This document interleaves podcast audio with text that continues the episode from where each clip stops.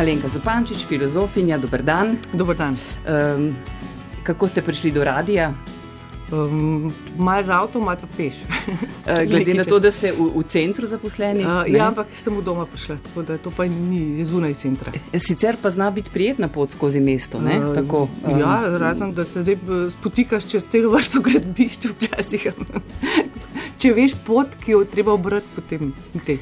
Kaj pa načeloma pot, um, se zavedate te blagodejnosti hoje, recimo? Zdaj veste, da bom že na tistega filozofa peljala, ki je cel traktat knjige napisal o filozofih, ki so radi hodili. Se tudi vam kaj utrne? Ja, eni imajo to zelo radi, ja, ja? Deltiko, da hodijo zraven in razmišljajo. Meni moram reči, da mi bolj pomaga, da se zvijam na stolu, ker da hodim. Da, je pa vsekakor ja, hoja, čist, pa, čist paše včasih. To boste vi bolje videli kot jaz, ne, da je bil Kant, ta je vaš. Ne? strasten sprehajalec. Tudi, ja, pa ni edini, se mislim, da je tukaj, ampak ja. vsekakor kant. Menda da je 8 ur ja. na dan hodil in po 8 ja, urah razvil hodil, potem ja. eno misel. Zdaj pa ne vem, a spet 8 ur, pa spet eno misel. Čeprav eno misel razvit na dan je že zelo veliko za filozofa. Ne? Uh, je odvisno, zdaj, o kakšnih mislih govorimo. Ja, če to mislimo, je en miselni lok, ki pač, uh, seveda, ja, nedvomno, to je že kar kvota, mi se reče.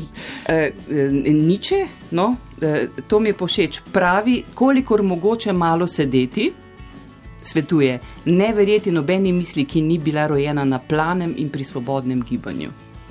Ja, to je tako, mislim, da je tudi malo metaforično mišljeno. Da to ne pomeni, da moraš nujno tekati, sem pa tja več čas, ko razmišljaš, ampak da predvsem misel kot taka izmeri misel, ki je v nekem, uh, bodi si v neki konfrontaciji, v neki iz neke stiske, konc koncev lahko tudi rojena v nekem gibanju uh, mišljenja. Mišljenje ni samo neka. Uh, uh, ja, negibna ne kontemplacija sveta, ampak je nek uh, angažma s svetom, neka uh, upletenost, nek odzivna. Tako da v tem smislu se popolnoma strinjam. Misel, ki je samo, kot jo temu ponovadi rečemo modrost, uh -huh. ki ne toliko misli. Pač, uh -huh. Te večne modrosti, ki izgledajo tako kot pač neka udejca, ki z neba ležerno pade, ja, ja, ja, ja. ne gibno na nas ali pa skoraj ne gibno. Medtem ko mišljenje misli je pa nekaj zelo drugačnega, je pa, je pa uh -huh. ima to gibanje v sebi. No. Tako da mislim, da misel, ki ni tudi gibanje, kot skoraj bi lahko rekla, ni misel. A mogoče tudi zato. Uh zaupajo telesu, ker nima nobene preteklosti, če sem zdaj to prav uh, povedala. Uh, Giba še zato uh, in takrat se ti utrne, zdaj jaz bom spet rekla misel ne, v svoji maniri, uh, ker telo nima preteklosti pomagajte mi iz tega. Ja, ne, se sem, ne vem, če dobro, če uh, zdaj, ne. Ker nekaj je s vami, obstaja neka taka cela tradicija, ne te propedevtike, skratka. Ja. Pa tudi mislim, da čisto empirično je dejstvo, da nekateri ljudje lažje razmišljajo, če hodijo sem pa tja. To čist faktično obstajajo razlike med ljudmi in med tem, v kakšnih uh, telesnih uh, pogojih najlažje pa najbolj razmišljamo. Tako da ne vem, če je tukaj kar samo eno pravilo. Jaz sem prej govorila v misli kot taki, da, ja, da je ja. mobilna, pa da ni. Uh, sicer pa to, da zdaj telo, da nima spomina, Sveda, ja, ma, pa ne, ima na nek način ga še kako manj. Tako da je pa res, da je nek drug eh, spomin oziroma neka druga uh, aktivnost čez raven, ki včasih dejansko uh, nam pomaga, tako kot pravijo včasih, da če nočemo nič misliti, moramo nekaj neumnega delati, mm -hmm. da, mhm. da lahko mogoče tudi včasih moramo nekaj uh, na ta način delati, da se neka misel sploh sproži. Ampak mislim, da je to zelo um, odvisno od. Uh, tudi nekih čist, ne vem, banalnih človeških konc koncev značajev oziroma pač tega, kako smo. Eh, na narejeni. knjižnem sejmu ste že bili? Ne, nisem še uspela, sem imela zdaj le uh, cel teden ene. Tako da vsekakor pa sem tam posredno, no, ker pač tudi uh, uh -huh. ta mhm. založba, pri kateri sodelujem in revija problemi, pač tam še kako smo, no, tako da mal imam. Mi poročajo, nisem pa še uspela. Ja, tako naprej. Uh, Mislim, ja, vse mogoče se že dogaja. Uh -huh. tako, da, uh, Kakšnim knjigam se ne morete upreti? Čeprav najbrž ni knjižni sejem edino srečanje. Uh, ja, jaz moram reči, da tako ponavadi sem sicer bolj v stiku še s knjigami kot v času knjižne. Mislim, pač v tem delu, ja, ja. konc koncev je to, uh, to, da berem, pa pišem, je osnovni upis del in nalog mojih, tako da se težko izogne človek knjigi. Ampak uh, uh, kašnim, ja ne vem, v osnovi je dejstvo, da pač filozofskim itak, no, ja. uh, pa, pa literaturi, no, književnosti. To je tako nekaj, recimo, kar mi pa tudi moram reči zelo, ne mislim, da sem v visoki književnosti. Veliko preberem, velik preberem tudi uh, kvalitetnih vem, trilerjev, kriminalk. Na podlagi priporočil greste z listkom v trgovino, kako? Je to pa mal, mal pač zveš, eh, mal se s prijatelji pogovarjaš, dobiš kakšen dober namik, potem mal na podlagi tega, kaj si že prebral, pa ti všeč, pač eh, potem greš na naslednji. Največji namik ali vas v zadrego spravim? Uh, ja, ne vem, mislim, to ni tako namik, da bom zdaj rekla, ampak zdaj na zadnje, ker sem tako mal prebrala zunaj tega spektra, pač zadnji roman uh, Tani French. Uh, ki je pa kako je pa že naslov, se pa zdaj le prav ne spomnim, čeprav sem ga pred enim tednom prebrala. Prej bi napisala pet romanov, no, ki so nekako spadali skupaj, zdaj pa en popolnoma nov, ki ima tudi uh, neka, neki uh, z hrastom. Ne morem pomagati. Nekaj tasga se nima veze. Skratka, je v angleščini zaenkrat, če samo obstaja. Ampak ta na French, absolutno, ta na French vse je za prebrati. Začenja si z uh, Indevucije, un prvi Aha. prelomni roman, potem uh, Likeness je drugi. To, to je recimo ena od pisateljc uh, sodobnih, ki je pa hkrati absolutno v tem smislu popularna. No, ni, Eh, ne šteje pač v najvišjo literaturo, ampak za moj pojme in okus, absolutno je to eh, kvalitetna literatura.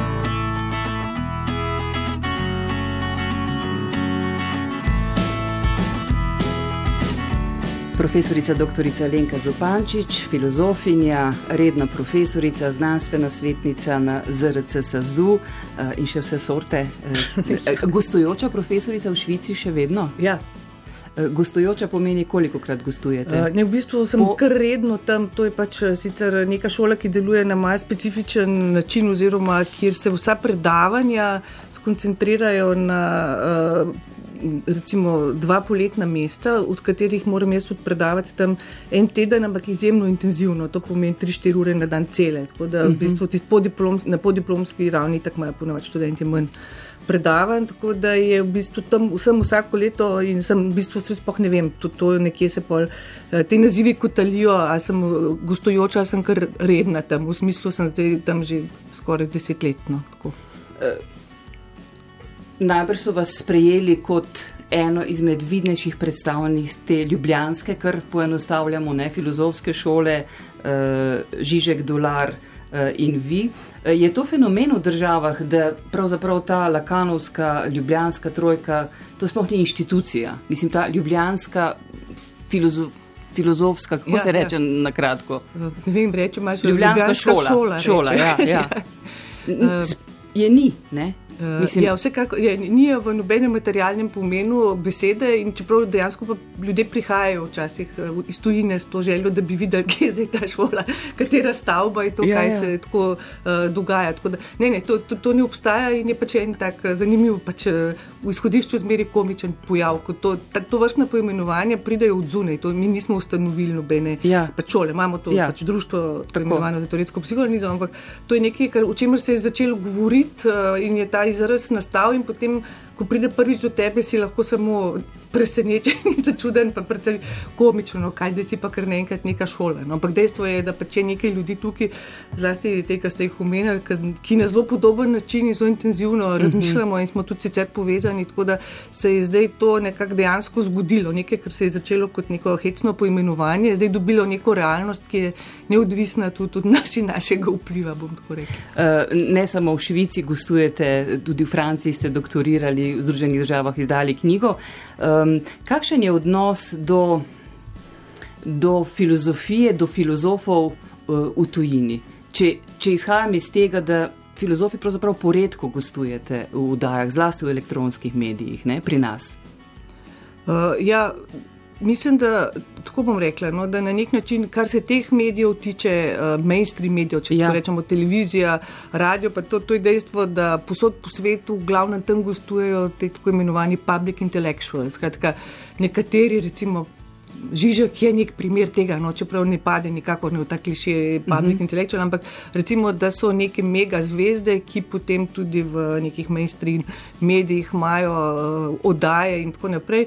Uh, za, za večino tudi relativno zelo znanih pa pač velja, da se to dogaja na ravni uh, povabilna predavanja, ki so lahko izjemno množično obiskana. To lahko govorimo v več sto ljudi in tako naprej. Slovenija ima že eh, krt, ne, to tako da, tako da to, to absolutno obstaja, pa potem vseeno to neka publika, ki je mal predizbrana. Tem, pač ja, radio, ja. televizija so pač vsi že načeloma. Tukaj pa pač vendarle gre za ljudi, ki so ponavadi že kaj prebrali, pa zato mm v tebe, pa ti pa jih pač pravno zato zanima še kaj slišati. Ker na nek način zdaj uh, filozofa, filozofijo, ne, njegovo delo umestiti, kako naj se izrazim, v neko poljudno obliko, ne, je, je izziv za nas in za vas tudi. Ne.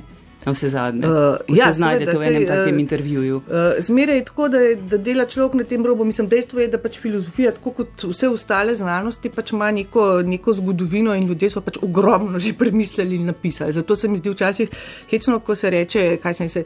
Uh, od fizika se nikoli ne pričakuje, da iz ničle razloži, ne vem, uh, zdaj najbolj kompleksno teorijo. Eh, kvantne mehanike ali pa, oziroma se pač. Ali pa jo za neke zelo posebne eh, pač primere. Medtem ko za filozofe se včasih tako reče, kaj zdaj neki kompliciraš, enostavno pove. Pač ene stvari, ene stvari se da in je tudi treba, po mojem, da je zelo enostavno povedati uh, in ne komplicirati samo zato, da nekaj zamutiš.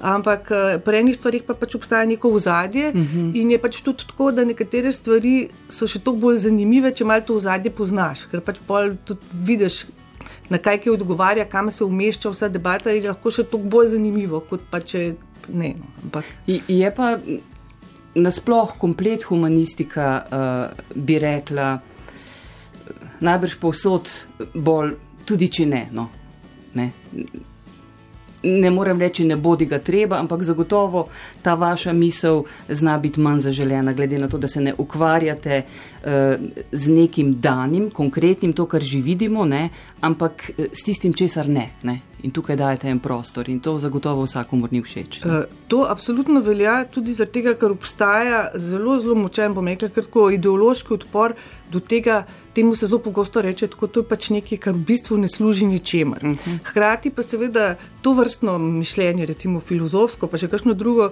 humanistično, seveda to, to je nek specifičen tip mišljenja, ki razmišlja tudi o tem, recimo, zakaj razmišljamo na en določen način, ne pa na drug. Skratka, nek, neko mišljenje, mišljenje, ki neposredno seveda ne služi ničemer in hvala Bogu, da je tako. Postavlja pa samo mišljenje, razmišljanje, tudi konec koncev mišljenje, ki je na delu v nekih eh, čist uh, direktnih praksah, tudi ko neki delamo, da to je neko praksa mišljenja zraven.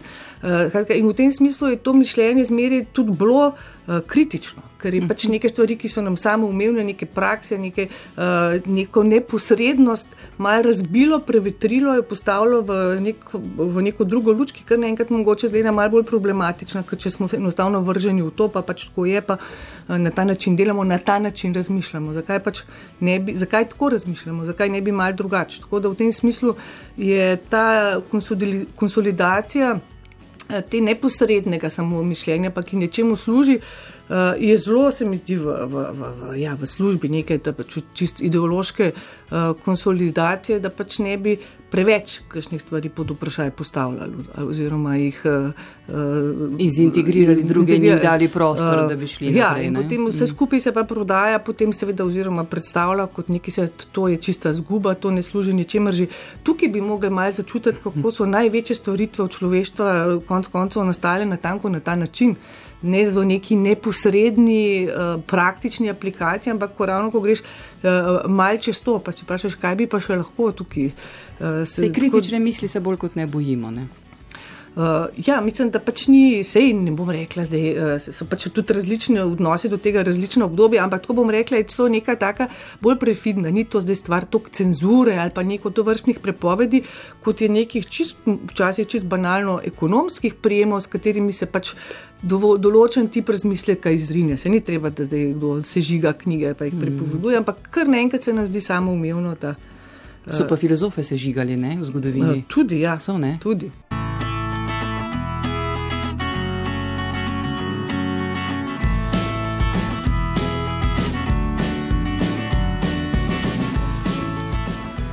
Alenka Zupančič, filozofinja na valu 202 pred dnevi, je bila spet v središču Monika Levinski. Ne vem, če ste zasledili.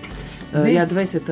obletnica aha, je aha, okay. in ena televizija je dokumentarec posnela o, um, pač, o tej aferi s ja. Clintonom in je ona 20-urni intervju.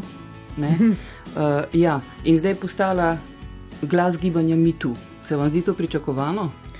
Uh, ja, ne vem, mislim, jaz, ko, sem prvič slišala, ker se je to, to pa je že več kot eno leto, ko se je ona prvič javila, pofočkala, uh -huh. če ne tako rečem, zraven mi tu, no, se mi je vsekakor zdel to. A ja, takrat je že. Ja, to je Aha. že bilo, mislim, da sem jaz to se prav spomnim, enkrat sem bila v Ameriki, takrat, ko sem slučajno videla v neki, na neki, pa mislim, da smo v tem tudi nekaj predavala. Uh, pač vse to vprašanje, no, spola, identitete in tako naprej, uh, da sem to zasledila in se mi zdelo zelo neverjetno. Da, uh, mislim, ker je pač to, seveda, je to še neka druga uh, linija, po ja. kateri se je vse to dogajalo. Ja, tako da, uh, ja, ne vem, ali je vprašanje Monika Ljubijanska. Ne, ali je, a je uh, gibanje mitu.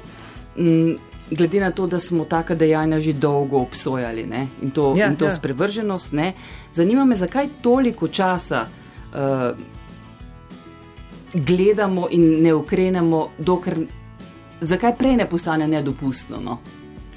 Ker to se mi zdi, da je neka prelomnica. Ja, ne, to, prav... to, kot uh, sem tudi rekel, tu naprej se več ne bo. Da, ja, da neka absolutna prelomnica se je tukaj zgodila, ne glede, kaj si lahko mislimo, se čist strinjam, da obstajajo številne vprašanja, problemi, lahko debatiramo. Moraliziranje. Je, pa, tako, je, ja. pa, je pa prelomnica čist na ravni tega, uh, če mu rečemo naravi. Nekaj se pač ne bo več na isti način dogajalo. Pa ne mislim, da mora biti zdaj popolnoma opredeljeno in tudi upam, da nikoli ne bo, ampak ta prelomnica je in jaz mislim, da kot ste rekli, zakaj se ni prej. Ja. Uh, Hegel meni lepo, uh, lep izraz za to pravi tiho tkanje duha. Uh, v bistvu te stvari, ki se zgodijo naenkrat, se nikoli ne zgodijo čisto naenkrat. Se pa seveda potem, ko vse se zmeraj naenkrat. Se, so pa takšne in drugačne stvari, ki se dogajajo, ki, ki se gnetejo, ki se tkejo. Uh, ponavadi že dolgo časa, potem pa je lahko nek dovolj kontingenten uh mhm. -huh. dogodek, kot koncev tudi v tem primeru. Ne vem, če Weinstein uh, sploh zasluži biti zdaj ikona tega, ja. uh, pač anti-ikona ali kar koli, ampak hočem reči, je neka, uh, nek popolnoma kontingenten dogodek, ki, ki vsaj nima nobene nujno. Veličine tega, kar pa vendar le sproži, ali pa povzroči, oziroma kaj se s tem pol uh mhm. -huh. povezuje. Da... Najbrž bi Filip Roth. Uh, ja če bi še živel, ja. lahko nadaljeval zdaj ne, ta svoj človeški madež. Človeški madež, vsekakor in tudi na human animal. Ja. Neke, ja, uh, uh, uh, ja, mislim, tista je bila neka zelo dobra, res zelo tudi, seveda, literarno, zelo, zelo, zelo učinkovita. Za Nobelovo uh, nagrado je bil nominiran uh, prav s tem, s to knjigo, ali, ali pa s, s uh, celo ja, trilogijo. To pa moram reči, da ne vem. Uh -huh. nekaj, Uh, ja, ne, to, tukaj je sigurno ravno zato, ker se to, to je spet če malo ena druga stvar. Zdaj to uh, vse vprašanje pač, um, no, in politične korektnosti in pač tega uh, javljanja, sporočanja nekih teh zadev, je to, seveda, to tudi ni vdučeraj. No, in je uh, to. to za, za moje pojme, mi tu nismo to, da pač je zdaj nek fritiker, da komorkoli se zdi, da so kje v kažem trenutku pač lahko neka, neka čustva, občutja ranjena, prizadeta, zdaj bo to povedal in bo to že kar samo po sebi obveljalo za, za, za resnico. Jaz mislim, da to se kako ni tisto, kar moramo iz tega potegati. Ampak to, kar smo prej rekli, da na nek način, mislim, da se bo že v osnovi stvari se bodo drugače. Teh stvari bo manj. Eh, bi, bi moglo jih biti manj, bi se mogli drugače dogajati, uh, zaradi tega, ker enostavno ene stvari so v tkivu, več niso samo umevne. Upam, saj za nekaj časa. Uh, Ampak sicer... recimo 20 let nazaj, ja. ko je prav na to pobudo napisal človeški madež ja, Filip ja, Rot, ja. uh, ni bilo takrat ZDA v nekih posebnem uh, stanju, mislim, da jim ni nič pretilo, niso bili nobenih vojnah ne? in so nekako čistunska družba postajali. Ni, ni bila knjiga tudi v tem smislu. Uh, tudi v tem smislu, pa zlasti je pač zelo, po mojem, signifikantno, da se to se pač dogaja, to se zgodi enemu profesorju, če se ne motim, sem takrat že bral. Ja, uh, ja, dejstvo je, da je Amerika je zelo specifična družba, kjer je tako imenovana akademija, to se pravi vse, kar je pomeni univerze uh, in kampusi, ki so ponovadi zunaj velikih mest, samo kot neka uh, neobstoječa mesta, skratka samo kampus za tisoči in tisoči študentov in univerze so ena logika, ostala Amerika pa je popolnoma druga logika. Uh -huh. In mhm. kar se je zgodilo, je to, da se je dejansko v tako znotraj tako imenovane akademije, se je ta občutljivost, ta tudi možnost, to poudarjanje tega proti, od affirmative action in tako naprej, proti diskriminaciji, proti tega uh, senzibiliziranja ljudi za to, če so pač prizadeti, ker jih nekdo poimenuje na tak drugačen način, je šlo rekla, zelo, zelo, zelo daleč, uh, družba pa absolutno ni temu sledila. Uh -huh. Šlo, šlo je marsikje v neke absurdne skrajnosti, kot v primeru pač zgodbe, uh, Filipa, ki jo opisuje Filip Rot.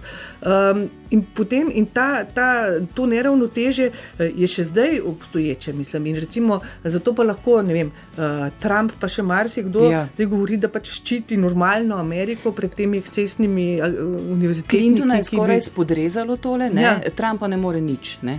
No, uh, ala Monika Levinski, nikoli, pa nobeno uh, gibanje najbrž. Ja, tukaj je bilo že nekaj takšnih stvari, ki bi ga lahko, ja. pa ga niso. Se, Ampak, skratka, ker do, do, do neke mere uh, se je rekla, to tiho tkanje duha, do, do tam ni prišlo, oziroma dogaja se na tanko to, uh, da rabi to kot proti vtež, pa zlasti te primere, ki so kao, seveda, kot zmeraj obstajajo, neki krivice, ekscesni, ne vem kaj, lahko jih je zelo malo v pač neki ogromni množici pravičnih in absolutno utemeljenih pritožb. Eh, to, to rabi za strašenje pač teh svojih. Uh, Eh, pristašal, oziroma zato, da pač on pokaže, kako uh, pač on pa uh, se ne bo, tudi konec koncev, da se pa ne bo držal določenih pravil. Ker veste, kaj se, če lahko ja, sam še to. Uh, dejansko se je zdaj tako zgodilo, da uh, za razliko včasih, no, ki je dejansko bila levica ta. Uh, recimo, da je neke tabuje rušila, pa se ni držala pravil, pa je razbijala ene norme. Uh, se zdaj dogaja to, da tako imenovana pač, uh, levica uh, pač ščiti neke pravice, ščiti stvari, pa pravice, pa, pa reče, tako pa tako se lahko govori, tako pa tako ne. Uh, desnica je pa tista, ki prije pravi, mi pa bomo to porušili, zakaj bi se držali teh pravil. Skratka, nek perverzni obrat, transgresivni je tukaj nastal na desni, ki je popolnoma prazna zunaj te digresije, ampak ki pa to daje veliko popularno podporo. Pač ampak se upa. Po moje je treba, oh, po moje, eh, na Trumpove voljivce mislim, ne? te se po moje da kar vseeno speljati. Absolutno. Oni niso tako zvesti uh, njemu ja, ja. zaradi ja. ne vem česa nezadovoljni so. Ne, pač, jaz mislim, ne? da v osnovi ja, to, to fokusiranje na, na Trumpa je dvojna past. Mislim, že, že samo to se konc koncev njega, pa res mainstream mediji skozi imajo na tapeti. Ni pomankanja kritičnega mišljenja, ja. tudi novinarskega do Trumpa. Je, to je samo problem v tem, da se tam ustavi. Se pač nekaj slabega o Trumpu napiše in novinari mislijo, da so s tem zadostili svojemu kritičnemu duhu. Trump je tukaj simptom, on je simptom tega, kar je globoko narobe v tisti družbi. In na drugi strani se pravi pri demokratih, ki so podprli Hillary Clinton na mesto uh, Sandersa, ki je bil, mislim, da je imel neko agendo, ki je bila bistveno bolj radikalna in tudi bi lahko pelala v neko resno alternativno v Trumpu. Tukaj se pa potem en establishment, ki se je že čisti spel, pa ga noben več ne verjame. Skratka, tukaj je Trump uh, samo je pač zelo velik problem, ampak je hkrati uh, pač ime tega problema, ni pa uh, problem sam. No.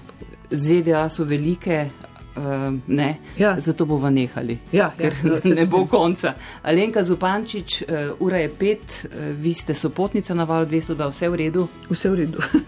okay. Tukaj je, če zuni, če ljubljena že obstaja, klele notar je v redu.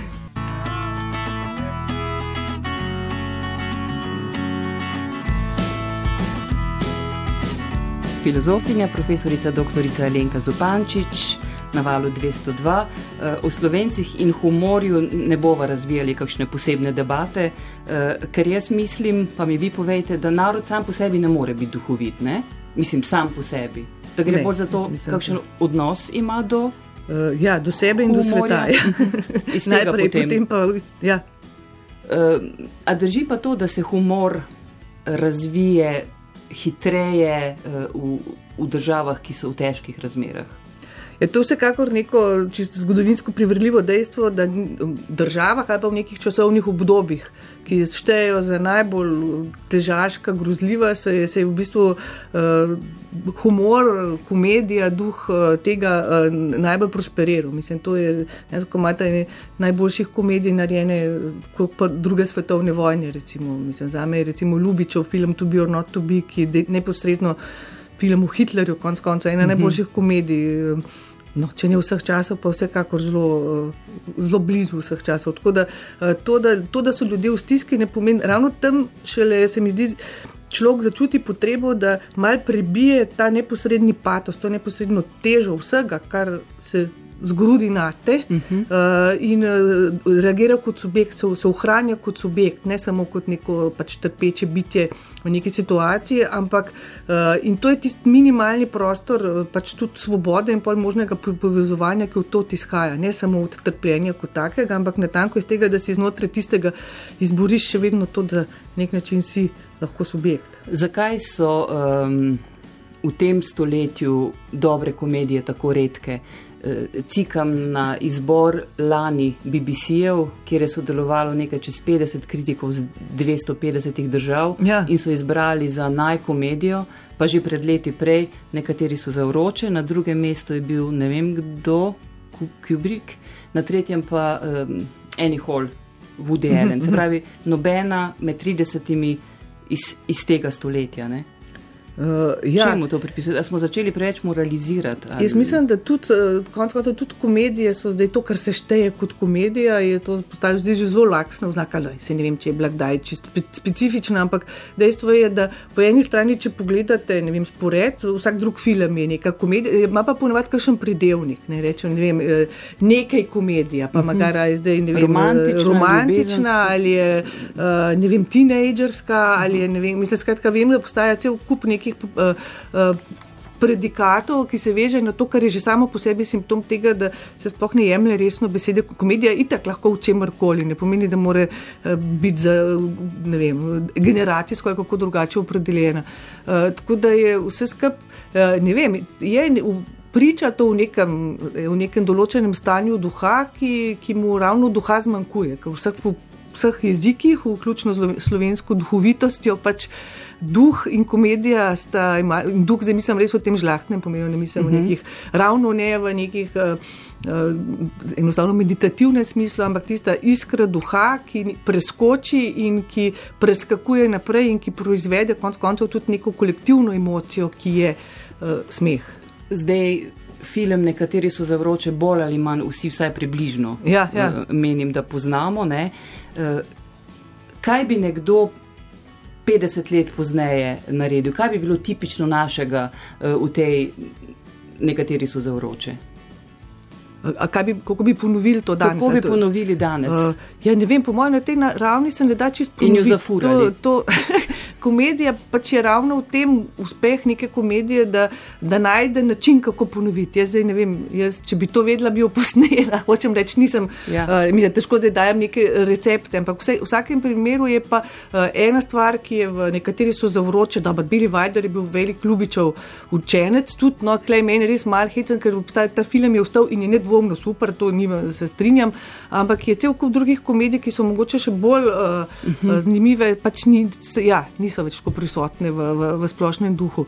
Zakaj Ampak, pa se je ta tako ohranila, ta nihče je popoln, mislim, da je že ja, prav eh, slogan. Jaz mislim, da mal je deloma zmeri vprašanje, to, kdo v tem volijo pač ponovati neki filmski kritiki, ki imajo tudi ta konc koncev zgodovinski spomin. Jaz mislim, da če danes vprašate mlajše, jih te četrče nikoli ni slišali, za nekateri so zavroče. Mislim, dejstvo je, da ni tudi ne vem, če je še toliko po televiziji, kot je bila v nekih. Kolega, sem slišala, da nekateri so zavroče.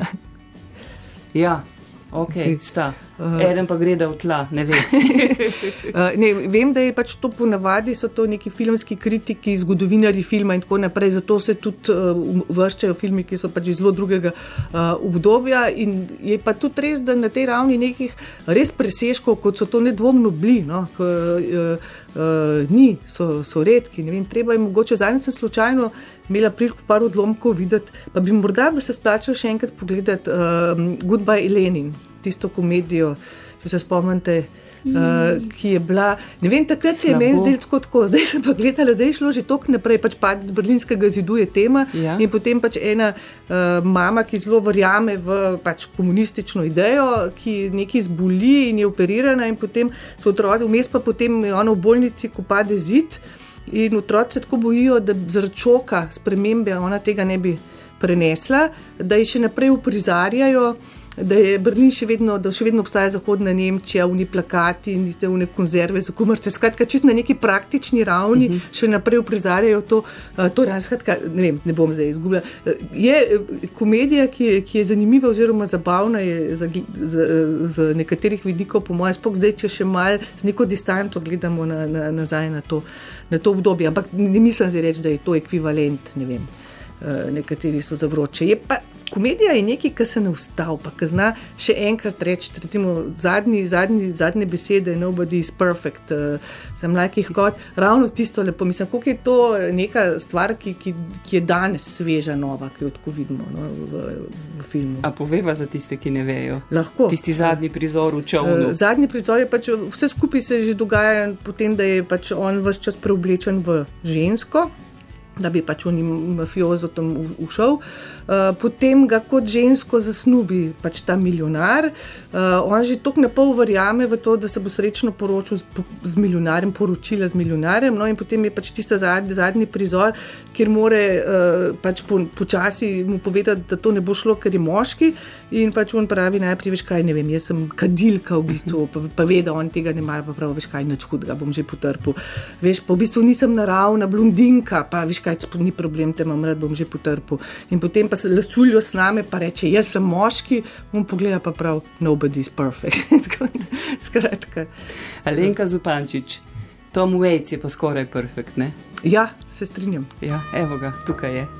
Zakaj vam je Tom Waits všeč? Fuh, to pa mislim, da je ne mogoče vprašanje. Tako, če bi me vprašali, zakaj sem enega človeka zaljubljen, težko reči. Ne, mislim, vsekakor mi je zelo všeč, pa ne znam povedati, je dobro, zakaj.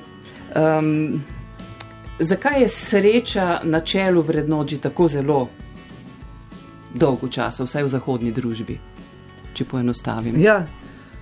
Kaj pa vem, mislim, da tudi to, da je na čelu vrednot že dolgo časa, je bilo zelo iz različnih razlogov. Uh, ne vem, recimo v Antiki je bil nek tak dost, uh, konc koncev, pragmatična utemeljitev neke morale, ki je recimo Aristotelove, ki sloni na sreči, pa ne zdaj v smislu nekega uh, blaznega užitka, ampak kot neke srečni smo, če je pač neka, da se dobro počutimo, da je neka prava mera in zdaj v bistvu, če, če tem težimo, lahko mogoče na, na, na, na, tem celo usnujemo neko uh, tradicionalno moralo, ne, ki se pa seveda nikoli ni čisto povsem išla, ker ljudje imamo, nismo samo uh, nagnjeni k pravi meri, pa to vrstni sreči, ampak smo včasih zelo srečni, tudi če nismo smo srečni. Je pa zanimivo, da zdaj pravzaprav, um, tudi če nismo srečni, ne, se mi dozdeva, da nam možgani zelo hitro postrežajo z raznimi, vse je vse za nekaj dobro, ne, ali pa iz tega se lahko veliko naučim, samo da bi nekako preprečil, da bi si priznal, da nisi srečen. Imamo že tega notranjega, ni treba, da zaradi družbe ja, to ja. počnemo. Ne, ne? Absolutno, mislim, imamo, ker smo to ponotranili, zaradi tega, ker dejstvo pa je, da je neka, eh, zlasti zdaj v sodobni družbi, ta ideologija sreče pa dobrega počutja šla tako daleč, da je človek včasih se že zdi, da je nekaj z njim narobe, če se za, za hip slabo počuti, pa da je pač slabe vole, ja. pa da, uh, kaj, mislim, v življenju tako, kot je, ki je dejansko na celi ravni stvari izjemno naporno in marsikdaj nesrečno, ga pa moramo takoj preigrati v neko srečo, pa reči, ja, ampak ja, zato bo pa že za nekaj dober. Pa, ne, včasih je pač treba reči, ne šit, uh, nesrečen sem, ne vem, boli me, skrbi me, tako je. In to, da bi mogel, ampak to je v bistvu je ideološko spodbujeno ravno zato, ker pač potem se ljudje sami, smo sami svoji policaji. No, potem ja. se temu tudi, uh, ne samo da pazimo, da ne bomo pač nesrečni, ampak tudi te neka, zapovedujemo. Bioetika mm -hmm. iz mhm. tega izhaja, ki je zelo problematična. No, ampak. Um, Tukaj je zelo blizu tudi uspeh. Ne? Družba ima tudi uspešne rada, ne, ne samo srečne in ja, pozitivne. Ja, seveda, tako se šteje, ne, da tisti, ki so srečni, so tudi uspešni, ker mislim, da je popolna uh, nebuloza. Mislim, da jaz res mislim, da so v življenju bolj pomembne stvari za delati kot to, da si prizadeva za vsako ceno biti srečen, pa da tudi mogoče na dolgi rok te to bolj usreči, če to mal pozabiš. Ampak uh, dejstvo pa je, da, veste, jaz sem res pred leti sem eno oddajo videla, ki mi, bila, ki mi je prav zgrozila, ki so bili neki ljudje, ki so preboleli raka in tako naprej. In tam je bila poanta v bistvu to, da če si ti sam v sebi dober, pozitiven človek, potem boš ga premagal, uh mhm. -huh. če pa nisi, boš pa podlegel, pa po tonu, pa pa itak konc koncev te ni to škoda, Evo, ker si očitno uspešen. Slab pa neuspešen. Pa, hdka, to, to včasih dobiva že prav grozljive dimenzije, do katere mere se naslovi na to. Smo, ja, smo, sreča je itak nekaj instantnega. Mislim, recimo, kako bi lahko človek bil vse čas srečen. To je pač dolg čas. In uspešen. Sreča je smo... lahko pač v nekih trenutkih si srečen, v drugih pa pač nisi. Smo že kot ena posebna rasa. Ne? Mi uspešni smo na tem klinu lestvice. Ne? Mislim, da ste vi razvili to teorijo. Vi neuspešni. Ali se mi je jaz uh, ja, podobno? Ja, čisto v, to, to, ja, tam v zvezi s komedijo, ki, ki tudi komedija kljub temu, da je lahko rečemo srečen žanr, v smislu, da je pač vsekakor temelji na nekem, na nekem veselju, na nekih tovrstnih čustvih, ki popolnoma pa razbija ravno ta monolit prisilne sreče. Tam imaš cel kup junakov, ki skozi neki jamrajo, pa so nesrečni, pa so pa, pa res paradigmatski komični liki in tudi jih imamo radi na tanko zato, ne zato, ker pač ne se blaženo nasmihajo vse čas. Tako da tukaj je, uh, mislim, da je ta, ta in ta logika uspešnosti, da pač moraš, da se uspeh povezuje z nečem v tvojem telesu, v tvojem vem, dobrobiti, je spet seveda neka uh, popolnoma rekla, ideološko pokrivalo, ki ravno služi temu, da, da bi kakršne koli. Tukaj eh, ne samo ekscese, tudi presežke vseh pomenih odrezal, pa pač dal nazaj, smo vsi smo približeni. Uh, ja, tudi ampak, uspeh je v bistvu neka srednja pot v tem smislu. Ampak vsi skupaj pa smo na poti ne, v pogubo, vsi se bojimo, da bo konec sveta. Um, vsi se bojimo ja. apokalipse, ja, ja. v resnici pa smo že malo tam. Če se mi pravzaprav eh, bojimo, kaj bo, ko bo konec vsega, kam bomo šli? Uh, ja, Predvsem mislim, da nimamo nobene predstave, to je ta konec je nekaj zelo abstraktnega. Uh, je bolj uh, nek abstraktni fetiš, s pomočjo katerega se nas potem straši. Zdaj pa predvsem niti ne toliko s tem, uh, neki so te fascinacije za samo, kako se bo to dogajalo, kakšne, vem, kakšni ugnjeni zubli bodo švigali tukaj in tam. Uh, to je pač en tip imaginarne fascinacije. Drug tip je ta, uh, kjer se reče, nekaj strašnega se bo zgodilo, če hočete to preprečiti, naredite to, pa to, pa to. In ponovadi to, kar prs, si prisiljen narediti, je v bistvu že čista katastrofa. Da pač eh, stvari, včasih na katere pristanemo, zato da bi se izognili končni katastrofi, so že implementacija prav te katastrofe. Rečemo, ok, moramo zdaj začeti mučati ljudi, tega, da bodo izdali ne vem kaj, uh, da ne bomo preprečili ne vem, teroristični napad, ampak s tem smo de facto pristali na legalizacijo mučanja, kar pač je katastrofa za človeštvo, v hipu, ki je to na ta način postavljeno. Da, potem je pa seveda še dejstvo, da eh, ja, sej, jaz mislim, da je pa treba tudi reči, da cel kup katastrof je na vidiku. Mislim, ekološki problemi so realni, niso nerealni. Mislim, vojne, vse to obstaja, samo v tem je treba razmišljati od, od znotraj. Ne? Ampak ta konec že doživljamo. Ne? Ta konec Tud že not. doživljamo in treba ga od znotraj preusmirjati, uh mhm. -huh. se uh, regulirati, se boriti z njim, ne pa samo, da nastopa kot neka. Uh, tudi če še tako smo obsedeni s tem, pa še vedno ne, nekaj malo derealiziranega, kljub temu, da se skozi ukvarjamo s tem, da bo prišel konec apokalipsa. Ne vem, ne, pa, hkrati, čist, apokalipsa ne... je razočaranje, ne? to je vaš. Uh, uh, uh, ja, to je naslov enega teksta iz leta, ja, iz Morisa Blanšoja, iz, to še iz obdobja hladne vojne, torej mislim, da je iz 64 let tam nekje napisal ta tekst. Uh, ali še prej. No, skratka, um, se mi je zdel naslov, se mi je zdel sam po sebi izjemno zanimiv, da rečeš, apokalipsa je razočaranje. Je, in lahko rečemo, apokalipsa je še zmeraj razočaranje. A je on v dialogu z enim z Karlom Jaspersom? Ki je v bistvu takrat imel neko slavno vdajo na radiju. Tako kot smo mi dve zdaj, je imel ja. neko zelo, zelo slavno vdajo, kjer je pač razmišljal o problemu atomske bombe v kontekstu hladne vojne. In osnovna poanta njegova je, da okay, imamo atomsko bombo, s katero lahko uničimo celotno človeštvo in svet v enem trenutku. Zdaj, to, to hkrati pa nas to varuje pred tem, da bi vem, totalitarni režim, tukaj on je pač postavil za ja, kontekst ja. komunizem, eh, nek drug totalitarizm, tip totalitarizma zmagal, uh, torej še vedno boljš bomba. Pa kot ta grožnja, kot pa da zdaj prevlada to. No. In iz tega Moris Bronšo obrne, oziroma dobro, jaz to še malo porinem v svojo poanto, ampak se mi zdi na zelo zanimiv način, ker ravno reče, kaj pa če ta, to vse, ta cel svet, ki ga bomo izgubili z bombo, sploh še ne obstaja Kaj pa, če v bistvu pridem se ukvarjamo s tem, kaj bomo zdaj vse, na kaj bomo vse pristali, da ga ne bomo zgubili, če ga najprej zgradimo. In to bi bilo po njegovem, bi bil to komunizem, tisti pravi komunizem, ne enostavno komunizem vzhodnega bloka, ampak neka, neka skupnost, neko človeštvo kot celota, ki bo kao izgubljeno, v bistvu pa kot celota sploh še ne obstaja. Z zakaj se pa pravzaprav potem res ne poberemo in ne naredimo? Ja, to se zdi meni tako zanimivo. Takrat, ravno, če še enkrat malo to provokativno poanto nadaljujem, ko se reče, uh, itak bomo čez tri dni umrli, recimo, tako, te prognoze, ali pa čez ja. par let bo konc sveta. Uh, Uh, pa pa kaj ponavadi je reakcija, sem ta, pa pa da jim hitro še malo, ne vem, uživati, delati nekaj, kar ja. že tako delamo, pa še malo bolj tako. Uh, zakaj, če je res tako, če kdo res to verjame, zakaj ne bi rekel, ok, čez par let bo konc sveta, pa zakaj hudiče pa pol ne bi tvegal, pa proba še enega pravega komunizma pred tem narediti. Ja, ja, Mislim, če bomo itak pusti umrli čez tri leta. Tako da hočem reči, to nas vedi na ta logika v nek napačen strah, nobenega pravega poguma, tudi ta disgresija, transgresija, zdaj bomo pač pa še še malo gasral, je zelo omejena. Pravega poguma pa ne sproži. Da. Smo pa že v apokaliptičnem času, pristajamo na vse. Ne? Pred leti zagotovo ne bi tako mirno sprejeli ograje. Žičnate, ali pa uh, ja, se pa to, je, to je natanko je problem 11. tega, da se cel kup stvari, dogaja se nam stvari, ki so že zdaj na nek način bi mogle biti nesprejemljive, pa jih vendarle sprejemamo, ko, ko se dogajajo, vse v, v luči tega, da bomo preprečili neko večjo katastrofo. Uh, tako da to, to, ta, ta logika razmišljanja je vsekakor velik, velik problem. Ampak mora biti, ne naredimo ničesar, ker nimamo nikogar, ki bi se ga oprijeli od zunaj.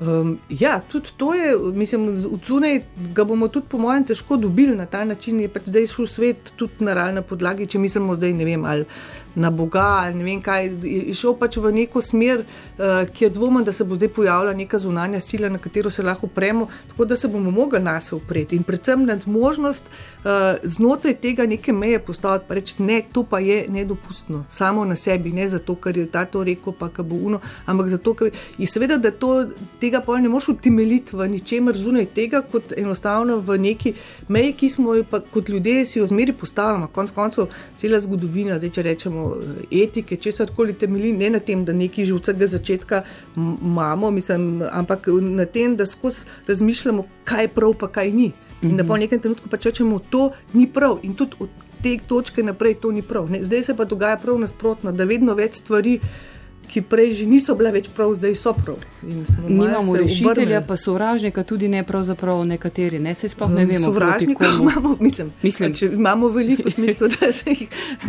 najdeva, se jih veliko, ampak uh, vsekakor so pa ponavadi te sovražniki tisto, s čimer edino utemeljujemo uh, pod neke zelo problematične uh, ja, uh, odločitve in geste. Ja končati morava. Ali se še greva lahko ene take kratke, ne vem, če mi bo uspelo z vami, da jaz hitro rečem, vi pa Ojoj. hitro.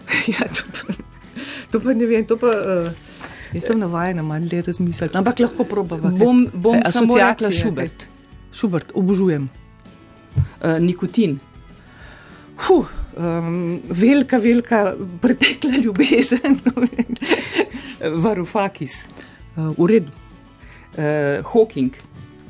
Uh, Ja. Ni o neki mrtvi filozofiji govoril, uh, da je mrtva filozofija. Ja, prav, zato, je bil, zato je bil ta moj ja rahlo zadržan. Pač, uh, mislim, tem, ni, mislim, da je tam se mal prenaglil. No, mislim, da je tudi to, kar on jemlje kot filozofijo. Da, uh, Pač mu tukaj, kljub vsej veliki znanstveni vednosti, malo. Tam se nam je malo zameril, ne?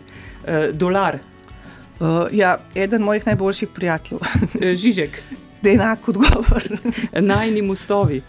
Um, ja, lej, lejte, jaz sem takrat bila zelo navdušena nad tem filmom. No, če ne drugega, je en film, ki je tako, kako bi rekla, ljubezen v zrelih letih malo drugače postavil. Je pa res, da zdaj temelji na neki zelo specifični fantazmi, ki jo pa ne kupam čisti. In to je to, da v bistvu lahko za res strastno ljubiš, samo če že v, takrat, ko se to dogaja, jemliš to ljubezen kot nemogoče, kot naprej izgubljeno. Na nek način jo oba jemljeta kot nekaj, kar se itak ne bo mogel dogajati. No, se mi zdi, da je to res jemljeta tako. Ja, jaz, jaz sem to tako videla, no, da v bistvu tudi kot je ukvirjen film s tistimi pismi in v tem, da že vnaprej na nek način je nared. Na, Pripovedovan kot izgubljen. No. Je, je ta, ta dimenzija, je, ki me je takrat, mislim, da sem celo nekaj pisala o tem filmu, mi grede ravno v tem aspektu, malo uh, mislim, zmotila se mi zdi. Ampak drugače pa ne, absolutno. Uh, Clint Eastwood je izjemno presenečen, ko je začel režirati ja, in je naredil pa res popolnoma vrhunskih filmov.